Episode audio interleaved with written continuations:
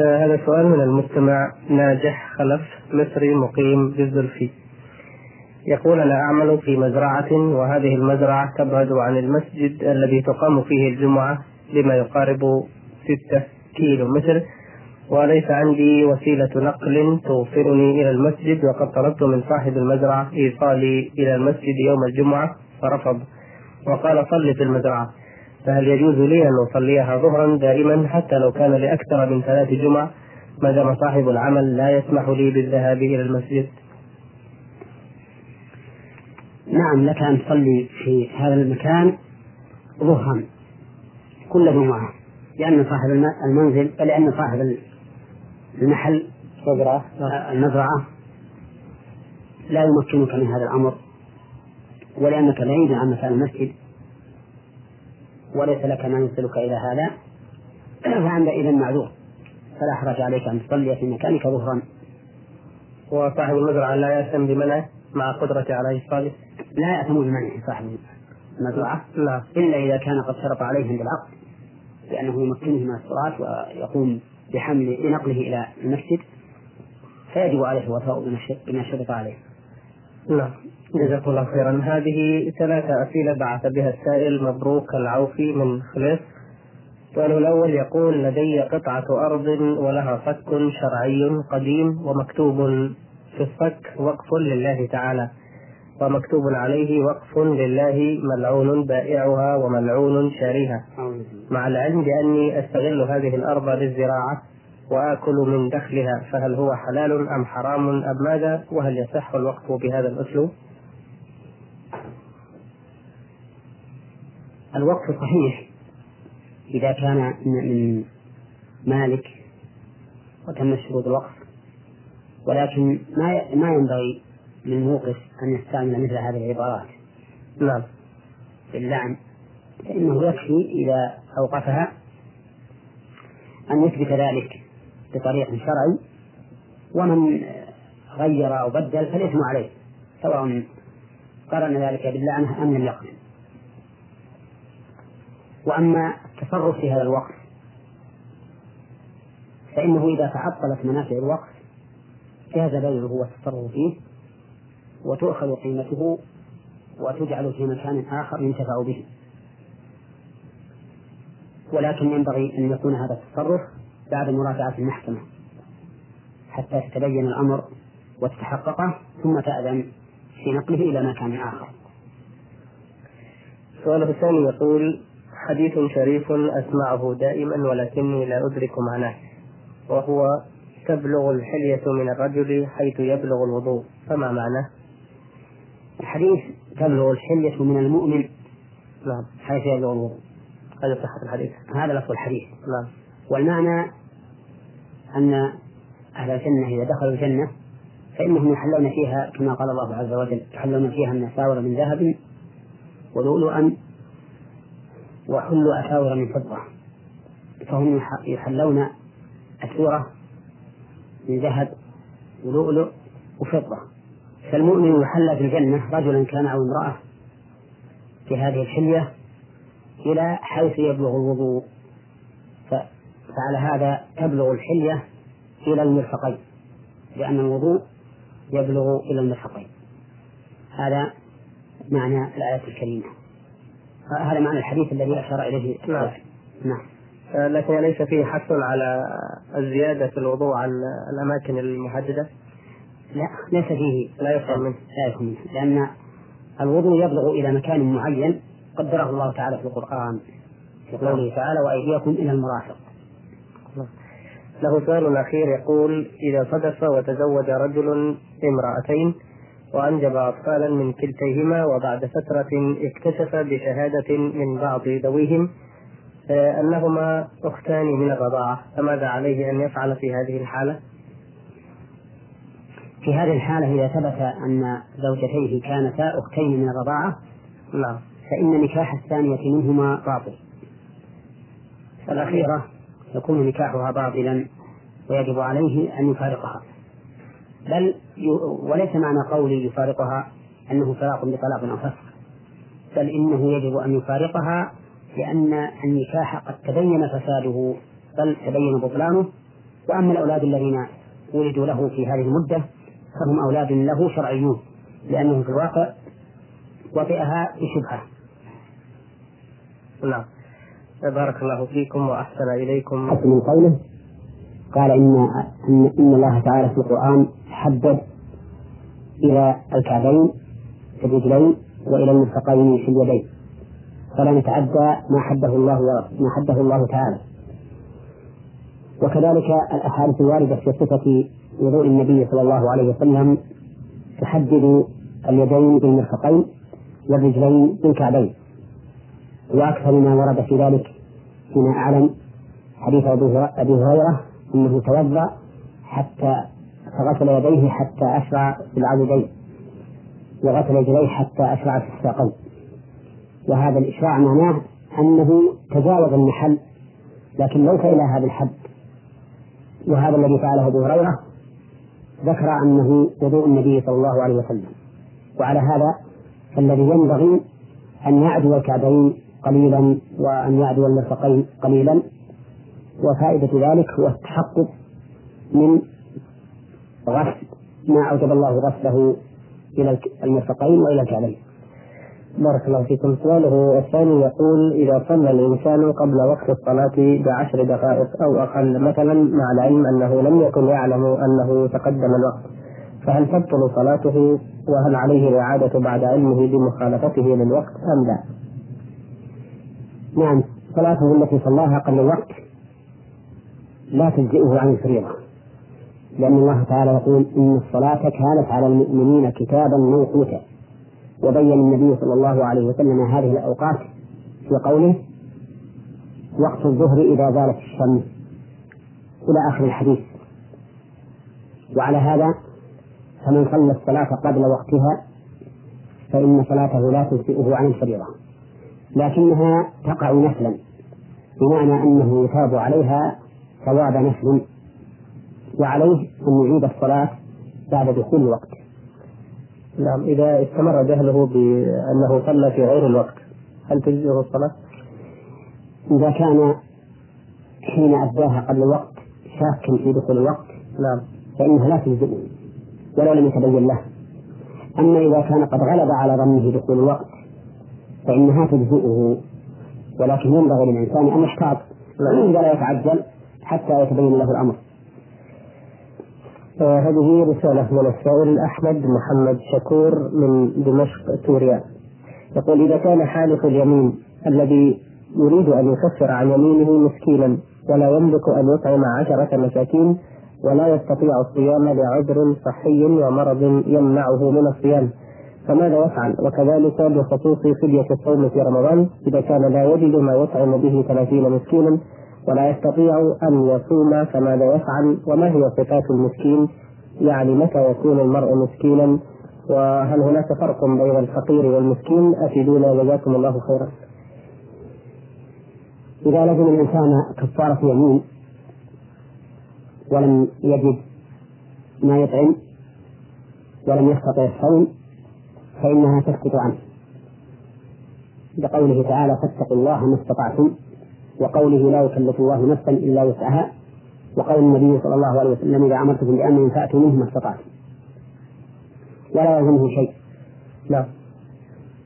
لأن من القواعد المقررة أن الواجبات تسقط بالعجز عنها إلى إلى بدلها إن كان أو إلى غير شيء إذا لم يكن لها بدل وإذا عجز عن البدل سقطت عنه نهائيا.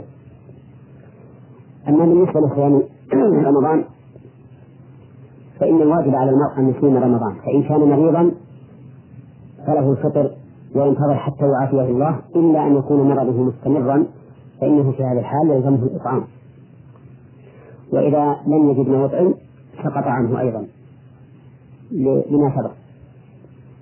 أما الفرق بين الفقير والمسكين فإنه إذا ذكر أحدهما دون الثاني فهما بمعنى واحد. فإذا قلنا مثلا أطعم عشرة فقراء فهنا لا فرق بين الفقير والمسكين وإذا قلنا أطعم عشرة مساكين فلا فرق بين المساكين والفقراء أما إذا ذكر الفقير والمسكين في كلام واحد كما في آية الصدقات إنما الصدقات للفقراء والمساكين والعاملين عليها فإن الجميع يشتركون في الحاجة. لكن الفقير أحوج من المسكين.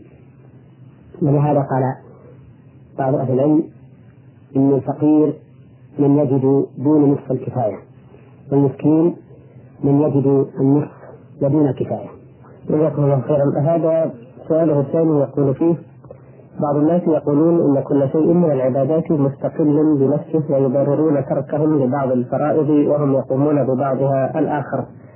فمثلا نجد شخصا يصلي ولا يصوم أو مثلا تصلي ولا تضع الخمار على وجهها فإن قلت لها لماذا تصلين ولا تتحجبين؟ فتقول كل شيء لوحده والله يحاسبني على الصلاة وحدها وعلى الخمار لوحده. ومنهم من تقول أعرف أنه واجب ولكن الظروف لا تسمح لي. وفما رأيكم بذلك؟ ليس هذا من جنس الإيمان ببعض الكتاب والكفر ببعض. وهل تكون صلاة المرأة التي تخرج سافرة صلاة صحيحة مقبولة؟ وما الحكم لو كان زوجها هو الذي يمنعها من الحجاب؟ العبادات لا شك أنها تتجزأ وأن كل عبادة مستقلة بنفسها. فهذه صلاة وهذه صدقة وهذه صيام وهذه حج وهذا بر الوالدين ولكل منها حكم نفسه. ويقبل منها كل واحد وإن كان مفرطا في الآخر. إلا عبادة واحدة وهي الصلاة فإنه إذا تركها لا تقبل منه عبادة أخرى. وذلك لأن ترك الصلاة كفر مخرج عن الملة. وإذا كان كفرا مخرجا عن الملة فإن الكافر لا تقبل منه عبادة. لقوله تعالى وما منعهم أن تقبل منهم نفقاتهم إلا أنهم كفروا بالله وبرسوله. أو رسوله فيه إنما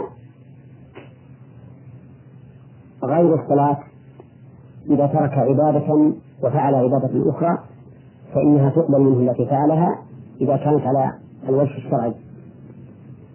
وإن كان متهاونا بالعبادة الثانية. إلا إذا كان تركه للعبادة الثانية ترك تكذيب وجحود وهي مما يخرج عن الملة جحوده فحينئذ لا يقبل منه. لا تقبل منه العبادات الأخرى لما ذكرناه قبل قليل. وأما بالنسبة للمرأة التي تصلي وهي لا لا تحتجب الحجاب الشرعي والحجاب الشرعي هو تغطية الوجه واليدين ومواضع الفتنة من المرأة. فإن صلاتها تكون صحيحة وهي آثمة بترك الحجاب الشرعي. وإذا كان زوجها يأمرها بأن لا تحتجب فإنه لا طاعة له ويجب عليها معصيته في طاعة الله لأنه لا طاعة لمخلوق في معصية الخالق. والله ورسوله أحق أن يرضوه إن كانوا مؤمنين وفي هذه الحال إذا عصته فإنه لا يحل له أن يقصر في شيء من واجباتها بناء على هذه المعصية بحجة أنها نشبت بمعصيتها إياه. لأن هذا ليس من النشوز فإن معصية المرأة زوجها في طاعة الله سبحانه وتعالى ليس من النشوز في شيء بل ينبغي للمرء أن تكون زوج أن تزيد زوجته غلاء في قلبه إذا كانت عصته في طاعة الله سبحانه وتعالى. أي من أجل طاعة الله. أحسن الله إليكم هذا سؤال من المستمعة فتاة من الأردن الزرقاء. تقول عمرها خمسة وعشرون عاما فمنذ صغرها وهي تطلب للزواج ولا يحصل نصيب لا يكون ذلك برفض منها ولكنها لا تدري ما هو السبب.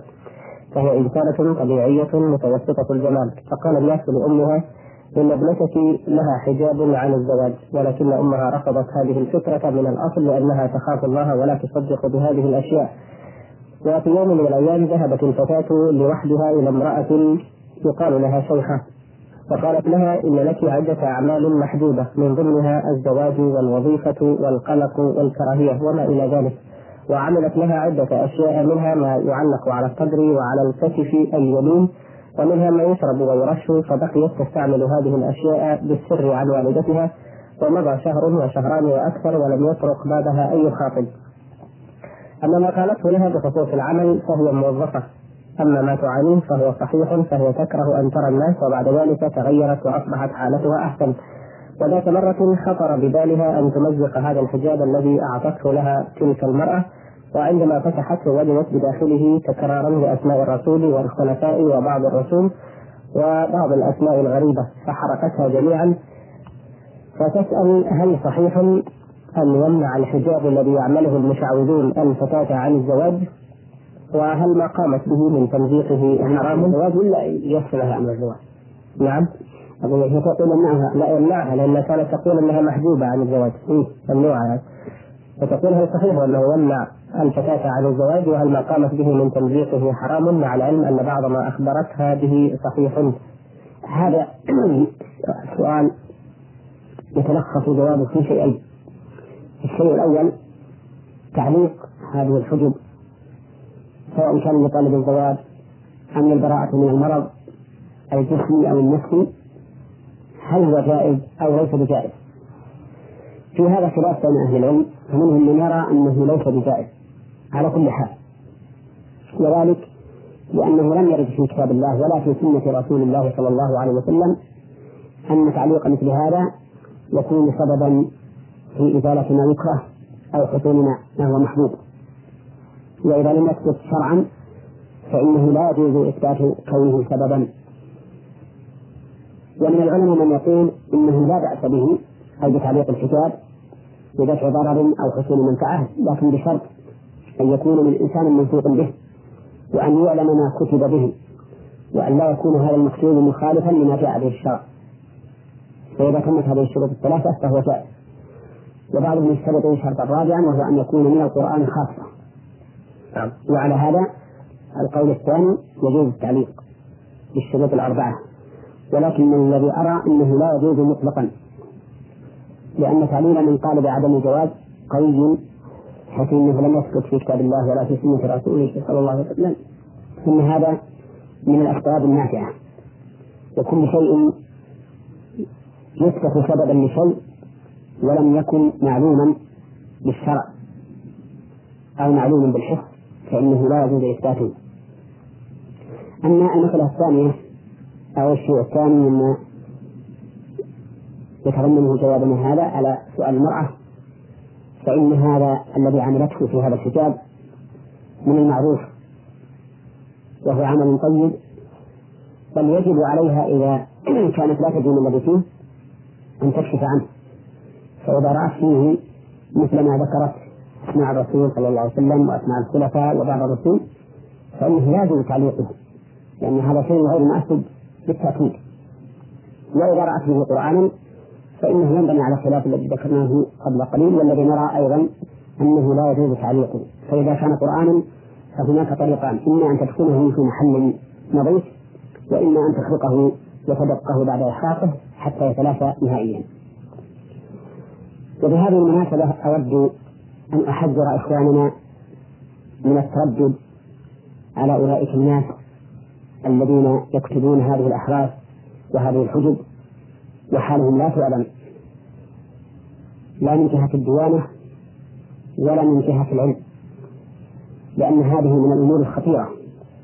وكون الإنسان إذا فعلها يتأثر ويجد خفة قد لا يكون ذلك من جراء هذا العمل. قد يكون الله تعالى قد أذن بجرعه أو شفائه وثبت أن يكون عند هذا الشيء لا به وأيضا فإنه من المعلوم نفسيا أن الإنسان إذا شعر بشيء فإنه يتأثر به جسمه. إذا شعر بشيء نفسيا فإنه يتأثر به جسمه. حتى إن الإنسان كما هو مشاهد إذا كان غافلا عما به من مرض فإنه لا يحس به. فإذا التفت في فكره إليه أحس به. هذا الرجل يكون مشتغلا بتحميل عفشه مثلا فيضعه مسمار أو زجاجة تجده لا يشك بها حين اشتغاله بالعمل. فإذا تفرغ فإنه يحس به لأنه جعل فكره إليه. والمهم أن ننصح إخواننا عن هذه الطرق التي لا يعلم من سلكها ولا يعلم ما في ما فيها من مكتوب والإنسان ينبغي له أن يعلق قلبه بالله عز وجل ويتبع ما جاء عن النبي صلى الله عليه وسلم في الاستشفاء بالقرآن والدعاء. جزاكم الله خير الجزاء. أيها من المستمع حمدان حامد الهلالي من وادي ضعان. ضمنها سؤالين في سؤاله الأول. يقول نحن من البدو ولكننا غير متنقلين بل مقيمين بوادي وبه مقبرة قديمة لا زال يقبر فيها حتى وقتنا الحاضر وهي على الطريق بين ضلعين يقسمه يقسمها طريق للسيارات بحيث تصبح نصفين وهي مقبرة واحدة ويتخللها أيضا بعض الطرق الصغيرة للمواشي وللسير على الأقدام وقد فتحنا طريقا للسيارات ولم نستطع أن نصرف الناس الذين يسكنون في هذا الوادي من استعمال تلك الطرق المذكورة لعدم استجابتهم لنصائحنا المتكررة. كذلك الحيوانات تسير عليها كل وقت كالبقر والغنم وغيرها. فكيف التخلص من هذه المشكلة؟ عندما نسير عليها كل وقت هل نأثم بذلك أم لا؟ أفيدونا. بارك الله فيكم. الحمد لله رب العالمين وأصلي وأسلم على نبينا محمد وعلى آله وأصحابه أجمعين. قبل الجواب على سؤال الأخ أود أن أبين أن لأصحاب القبور حقوقا لأنهم مسلمون. ولهذا نهى النبي صلى الله عليه وسلم أن يوقع على القبر وأن يجلس عليه. وقال لأن يجلس أحدكم على جمرة فتخرق ثيابه فتمضي إلى جلده خير له من أن يجلس على القبر. وكما نهى النبي عليه الصلاة والسلام عن عن إمكان القبور فإنه نهى أيضا عن تعظيمها بما يفضي إلى الغلو والشرك. فنهى أن يجسس القبر وأن يبنى عليه وأن يكتب عليه. وهذه القضية التي ذكرها السائل عن هذه المقبرة القديمة التي أصبحت ممرا وطريقا للمشاة والسيارات ومرعا للبقر والمواشي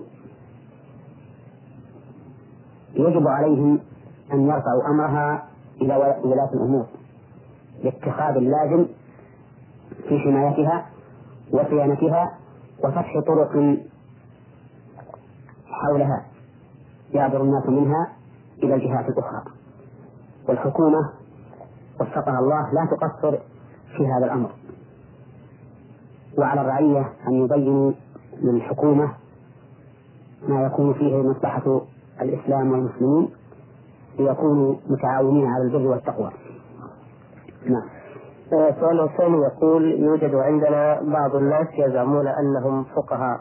ليسوا فقهاء علم بل يزعمون أنهم يضرون وينفعون من يشاءون بحجة أن لهم شرهة يصيبون بها من يريدون ويكررون هذا القول في كثير من المناسبات. فهل ذلك صحيح أم خرافات جاهلية؟ وكيف نتخلص من ذلك علما بأن بعض الناس يصدقونهم فيما يقولون مثل كبار السن والجهال؟ هؤلاء الذين يدعون أنهم ينفعون أو يضرون هؤلاء كذبة لا يجوز لأحد أن يصدقهم ولا أن يسألهم عن هذه الأشياء. ويجب على من علم بهم أن يبلغ بأمرهم إلى ولاة الأمور ليتخذوا اللازم فلا أحد يملك النفع والضرر إلا الله وحده لا شريك له. حتى النبي صلى الله عليه وسلم قال الله له قل إني لا أملك لكم ضرا ولا رشدا. قل إني لن يجيرني من الله أحد ولن أجد من ولن أجد من دونه ملتحدا وأمره الله أن يقول قل لا أملك لنفسي نفعا ولا ضرا إلا ما شاء الله. ومن زعم أن أحدا يملك الضرر أو النفع بغير أسباب حسية معلومة فإنه يستتاب. فإن تاب وإلا قتل لأنه مكذب لله تعالى ولرسوله صلى الله عليه وسلم. وإني أقول لهؤلاء الذين يتوهمون صدق ما قاله هؤلاء الدجاجلة أقول لهم اسكتوا على إيمانكم ودينكم. واعلموا أنه لا يملك أحد الضرر والنفع إلا الله وحده لا شريك له. وقد ثبت عن النبي صلى الله عليه وسلم أنه قال لابن عباس قال له واعلم أن الأمة لو اجتمعوا على أن يضروا على أن ينفعوك بشيء لم ينفعوك إلا بشيء قد كتبه الله لك. ولو اجتمعوا على أن يضروك بشيء لم يضروك إلا بشيء قد كتبه الله عليك. وفي القرآن الكريم لما ذكر الله السحرة قال وما هم بضارين به من أحد إلا بإذن الله. فالمهم أن هؤلاء كذبة فيما ادعوه من كونهم يملكون النفع والضرر فإن ذلك إلى الله وحده لا شريك له. وعليهم أن يتوبوا إلى الله من هذا العمل وأن يعترفوا بقصورهم وبتقصيرهم وأنهم ضعفاء أمام قدرة الله وأنهم لا يملكون دفع الضرر عن أنفسهم هم فضلا عن غيرهم. كما لا يملكون لأنفسهم جلب نفع فضلا عن جلبه لغيرهم إلا ما شاء الله سبحانه وتعالى. وعلى من حولهم ممن يتوهمون صدقهم أن يتوبوا إلى الله تعالى في تصديقهم وأن يعلموا أنهم كذبة ولا حق ولا حق لهم ولا حظ لهم أيضا في مثل هذه الأمور. جزاكم الله خيرا. بارك الله فيكم هذا سؤال من المستمع محمد سليمان الشمري من جدة. يقول عقدت على فتاة من أسرة كريمة بعقد نكاح شرعي وبعد أن مضى شهر على حدوث العقد رفضتني الفتاة مدعية أنها لا تريدني علما أنها كانت موافقة على الزواج مني وقد بذلت قصارى جهدي لكي أعرف السبب ولكن دون جدوى وقد تشاورت مع أهلها في الموضوع فقالوا نحن لا نستطيع إجبارها عليك وسوف نعيد لك ما دفعته حسب المكتوب بالعقد علما أنني قد خسرت مبلغ ثلاثين ألف ريال في يوم عقد النكاح وعندي شهود على ذلك وأنا لا زلت أرغب في الزواج منها فأرجو إفادتي هل من حقها الرفض بعد أن عقدت عليها أم ليس لها ذلك؟ ليس من حقها الرفض بعد العقد عليها لأن النكاح لزم بالعقد. ما دام على الشروط الشرعية المرعية. ولكن إذا رأيت أن من المصلحة موافقتها على الطلاق فإن الأفضل أن تطلقها إحسانا إليها لئلا تحبس حريتها ولأنه ربما يحصل بينكما بعد الدخول أو بعد إنجاب الأولاد ما يكون مكروها وتضطر بعد ذلك إلى طلاقها. بعد أن تعلقت بها نفسك أكثر وبعد أن حصل الأولاد بينكما. فالذي أرى أنه إذا كانت مصرة على المفارقة أرى أن الأفضل لك والأولى حالا ومستقبلا أن تطلقها وأن تأخذ ما أنفقت عليها. فإن الرسول صلى الله عليه وسلم قال لامرأة ثابت بن قيس وقد كرهته قال أتردون عليه حديقته؟ قالت نعم. فقال له النبي عليه الصلاة والسلام اقبل الحديقة وطلقها تطليقة فأرشده النبي عليه الصلاة والسلام إلى أن يطلقها لأن الحال في في مثل لأن الأمر في هذه الحال لا يستقيم بين الزوجين وقد حصلت الكراهة الشديدة من المرأة للزوج. فدفعا لغرض ما يستقبل ينبغي إجابتها إلى الطلاق فيتطلقها وتأخذ ما أعطيته كاملا. يأخذه كاملا أو النصف؟ لأنه لم يدخل بها. أي نعم يأخذه كاملا. ما دامت المسألة على سبيل طلب المفارقة نعم. فله الحق في أن يأخذه كاملا. أما لو طلقها من ذات نفسه بدون اتفاق بينهما فليس له إلا نصف المهر إذا كان معينا أو المتعة إذا لم يكن معينا. نعم لو أخذه كاملا ب... بأن يكونوا هم دفعوه له هل يكون هذا خلعا؟ أي نعم هو من الخلع يكون خلعا نعم ولا يجوز له استرجاعها بعد ذلك؟ يجوز أن يسترجعها بعقد بعقد جديد أي نعم لأن الخلع لا يحرمها تحريما دائما بينونة الكبرى نعم. لكنه يحرمها تحريما دائما بينونة صغرى بمعنى أنها لا تحل له إلا بعقد بعقد جديد نعم.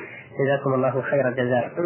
هل الخمر نجسة كسائر النجسات وإذا كانت كذلك فهل يلحق بها الكولونيا؟ بمعنى لو أصابت البدن أو الثوب يجب غسل الجزء الذي أصابته أم لا. الحمد لله رب العالمين وأصلي وأسلم على نبينا محمد وعلى آله وأصحابه أجمعين.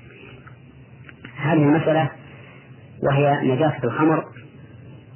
إن أريد به إن أريد بالنجاسة النجاسة المعنوية فإن العلماء مجمعون على ذلك. نعم. فإن الخمر نجس وخبيث ومن أعمال الشيطان. وإن أريد به النجاسة الحسية فإن المذاهب الأربعة وعامة الأمة على النجاسة وأنها نجسة يجب التنزه منها وغسل ما أصابته من ثوب أو بدن. وذهب بعض أهل العلم إلى أنها ليست نجسة نجاسة حسية وأن نجاستها معنوية عملية. فالذين قالوا إنها نجسة نجاسة حسية ومعنوية استدلوا بقوله تعالى يا أيها الذين آمنوا إنما الخمر والميسر والأنصاب والأزلام رجس من عمل الشيطان فاجتنبوه لعلكم تفلحون. إنما يريد الشيطان أن يوقع بينكم الأداء والبغضاء إلى آخره. والرجس هو النجس. لقوله تعالى قل لا أجد ما فيما أوحي إلي محرما على طاعم يطعمه إلا أن يكون ميتة أو دما مسفوحا أو لحم خنزير فإنه رجس. ولحديث أنس أن النبي صلى الله عليه وسلم أمر أبا طلحة أن ينادي إن الله ورسوله ينهيانكم عن لحوم الحمر الأهلية فإنها رجس. فليس في الآية والحديث بمعنى النجس نجاسة حسية. فكذلك هي في آية الخمر بمعنى نجس نجاسة حسية. وأما الذين قالوا بطهارة الخمر من طهارة حسية أي أن الخمر نجس نجاسة معنوية لا حسية. فقالوا إن الله سبحانه وتعالى قيد في سورة المائدة ذلك بقوله رجس من عمل الشيطان. فهو رجس عملي وليس وليس رجسا عينيا ذاتيا. بدليل أنه قال إنما الخمر والميسر والأنصاب والأزلام. ومن المعلوم أن الميسر والأنصاب والأزلام ليست نجسة نجاسة حسية. نعم. فقرن هذه الأربعة الخمر والميسر والأنصاب والأزلام في وصف واحد الأصل أن تتفق فيه. فإذا كانت الثلاثة نجاستها معنوية فكذلك الخمر نجاسته معنوية لأنه من عمل الشيطان. وقالوا أيضا إنه ترى أنه لما نزل تحريم الخمر أراقها المسلمون في الأسواق. ولو كانت نجسة ما جازت إراقتها في الأسواق لأن تلويث الأسواق بالنجاسات محرم لا يجوز. وقالوا أيضا إن الرسول صلى الله عليه وسلم لما حرمت الخمر لم يأمر بغسل الأواني منها. ولو كانت نجسة لأمر بغسل الأواني منها كما أمر بغسلها في كما أمر بغسلها حين حرمت الحمر. قالوا وقد ثبت في صحيح مسلم أن رجلا أتى براوية من خمر إلى النبي صلى الله عليه وسلم فأهداها إليه. فقال الرسول عليه الصلاة والسلام أما علمت أنها قد حرمت؟ ثم ساره رجل أي كلم صاحب الراوية رجل بكلام سر فقال ماذا قلت؟ قال قلت يبيعها فقال النبي صلى الله عليه وسلم إن الله إذا حرم شيئا حرم ثمنه. فأخذ الرجل بثمن الراوية فأراق الخمر. ولم يأمره النبي عليه الصلاة والسلام بغسلها منه. ولا منعه من إراقتها هناك. قالوا فهذا دليل على أنه أي الخمر ليس نجسا نجاسة حسية. وقالوا أيضا الأصل في الأشياء الطهارة. حتى يوجد دليل بين يدل على النجاسة. وحيث لم يوجد دليل بين يدل على النجاسة في الخمر فإن الأصل أنه طاهر لكنه خبيث من الناحية العملية المعنوية. وبناء على ذلك نقول في الكلونيا وشبهها إنها ليست بنجسة لأن الخمر ذاته ليس بنجس.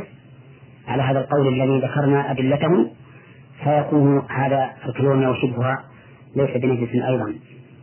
وإذا لم يكن نجسا فإنه لا يجب تطهير الثياب منه. ولكن يبقى النظر هل يحرم استعمال هذا الكلونيا كطيب يتطيب به الإنسان أو لا يحرم؟ لا. لننظر. يقول الله تعالى في الخمر فاجتنبوه. وهذا الاجتناب مطلق. لم يقل اجتنبوه شربا أو استعمالا أو ما أشبه ذلك. أمر أمرا مطلقا بالاجتناب فهل يشمل ذلك ما لو استعمله الإنسان كطيب؟ أو نقول إن الاجتناب المأمور به هو ما علل به الحكم وهو اجتناب شربه. لقوله لقوله إنما يريد الشيطان أن يوقع بينكم العداوة والبغضاء في الخمر والميسر ويصدكم عن ذكر الله وعن الصلاة فهل أنتم منتهون؟ وهذه العلة لا تثبت بما فيما إذا استعمله الإنسان لغير الشرب ولكننا نقول إنه إن الأحوط للإنسان أن يتجنبه حتى للتطيب وأن يبتعد عنه لأن هذا أحوط وأبرأ للذمة.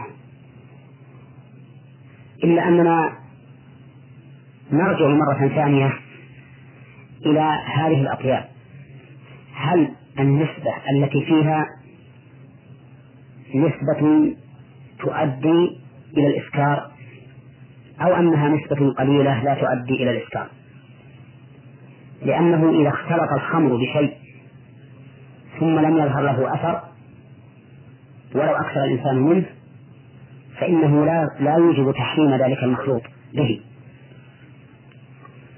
لأنه لما لم لما لم يظهر له أثر لم يكن له حكم. إذ أن العلة هي الموجبة العلة علة الحكم هي الموجبة هي الموجبة له. نعم.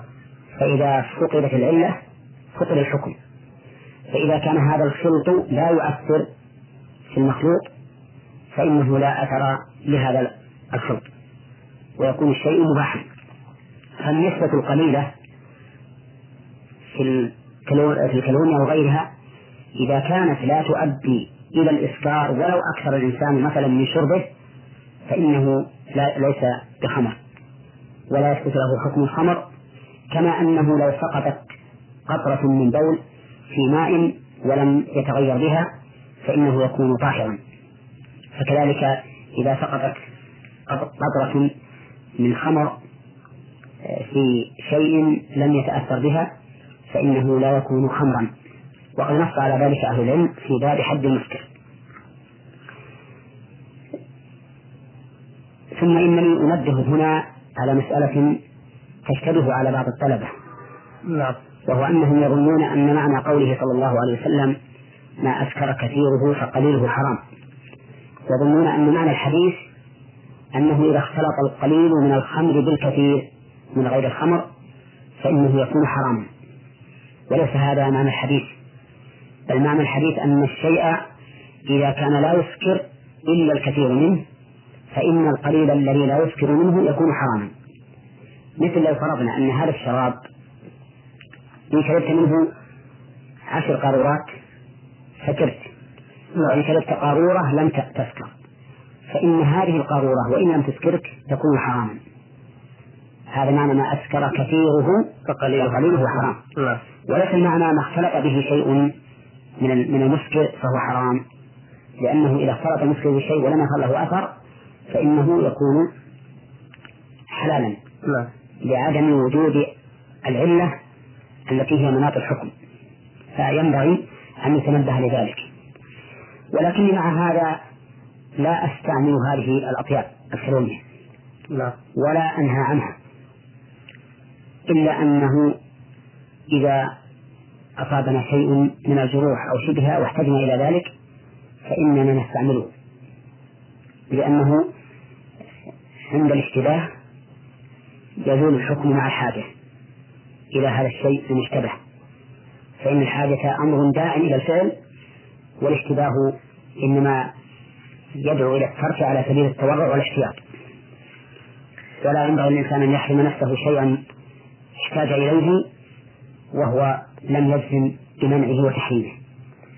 وقد ذكر أهل العلم هذه القاعدة بأن المشتبه إذا احتاج إليه فإنه يزول حكم الاشتباه. جزاكم الله خيرا.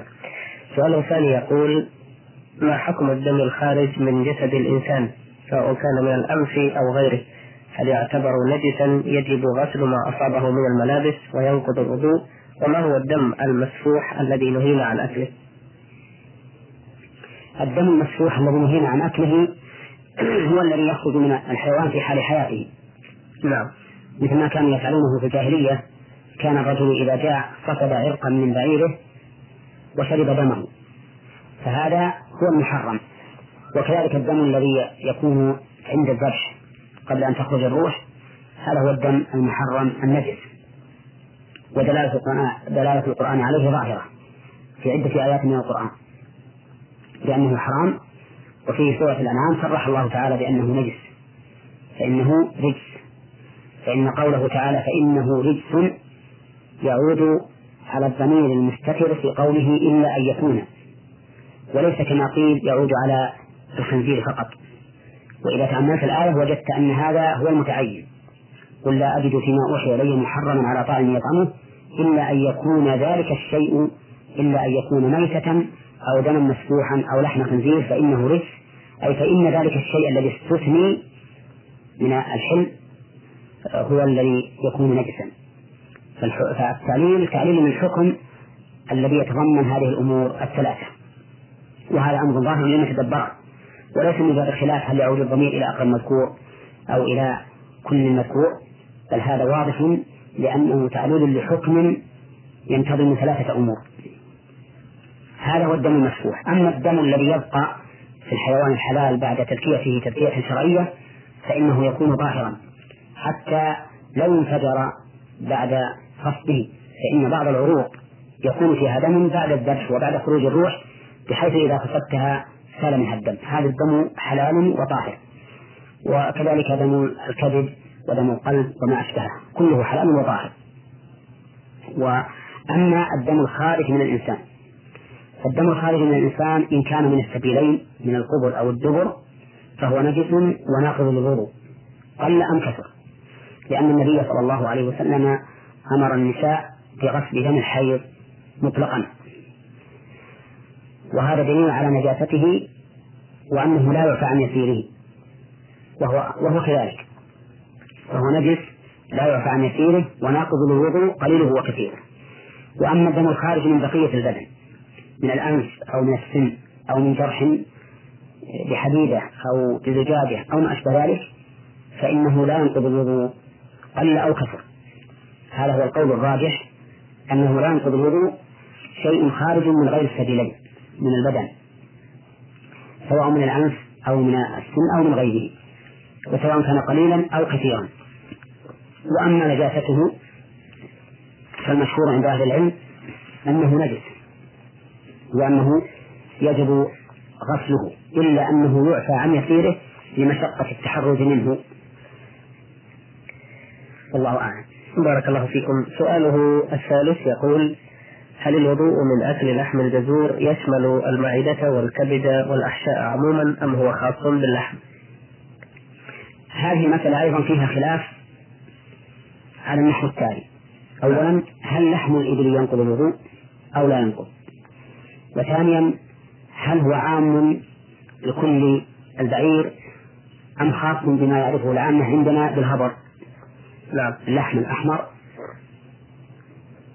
والراجح من هذه الأقوال الثلاثة أنه ينقض الوضوء سواء من لحم الهبر أو الكرش أو الكبد أو الأمعاء أو غيره بعموم قول الرسول صلى الله عليه وسلم توضأوا من لحوم الإبل. وعموم قوله حين سئل أنا أتوضأ من لحوم الإبل؟ قال نعم. قال أتوضأ من لحوم الغنم؟ قال إن شئت. ولأن هذا اللحم سواء كان أحمر أو أبيض من حيوان واحد. والحيوان الواحد في الشريعة الإسلامية لا تختلف أجزاؤه في الحكم. إن كان حلالا فهو للجميع إن كان حراما فهو للجميع. بخلاف الشريعة اليهود فإن الله تعالى يقول وعلى الذين هادوا حرمنا كل ظفر ومن البقر والغنم حرمنا عليهم شحومهما إلا ما حملت ظهورهما أو الحوايا أو ما اختلط بعظم أما هذه الشريعة فليس فيها حيوان تختلف أجزاؤه حلا وحرمة أو أثرا بل إن الأجزاء كلها واحدة لأنها تتغذى من طعام واحد ومن شراب واحد وبدم واحد.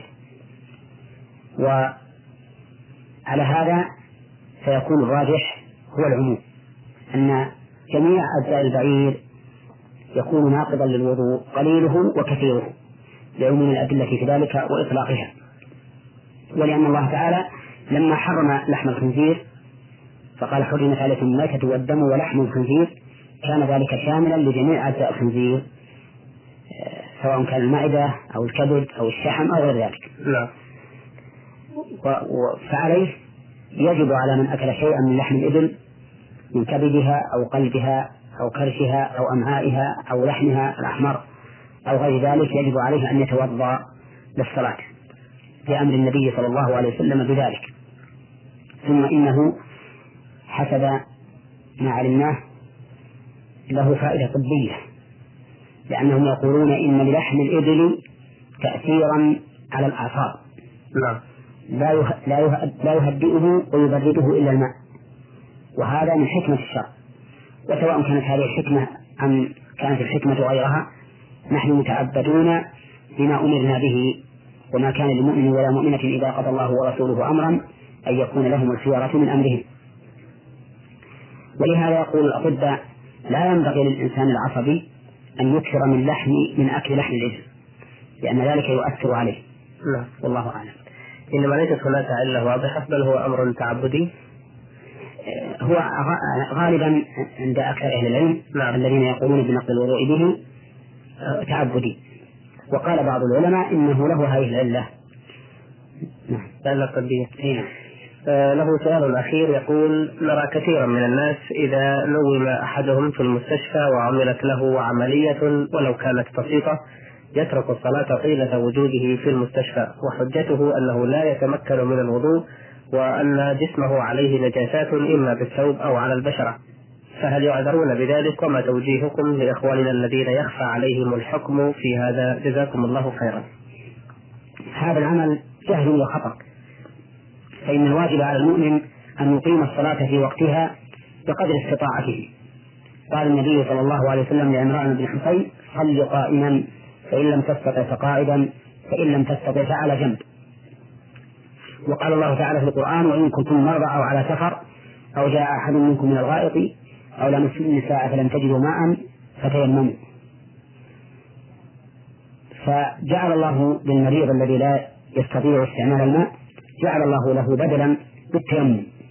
وكذلك بالنسبة للصلاة الرسول عليه الصلاة والسلام جعلها مراحل صل قائما فإن لم تستطع فقاعدا فإن لم تستطع فعلى جنب. فيجب على المريض أن يتوضأ أولا. فإن لم يستطع تيمم. ثم يجب أن يصلي قائما. فإن لم يستطع فقاعدا.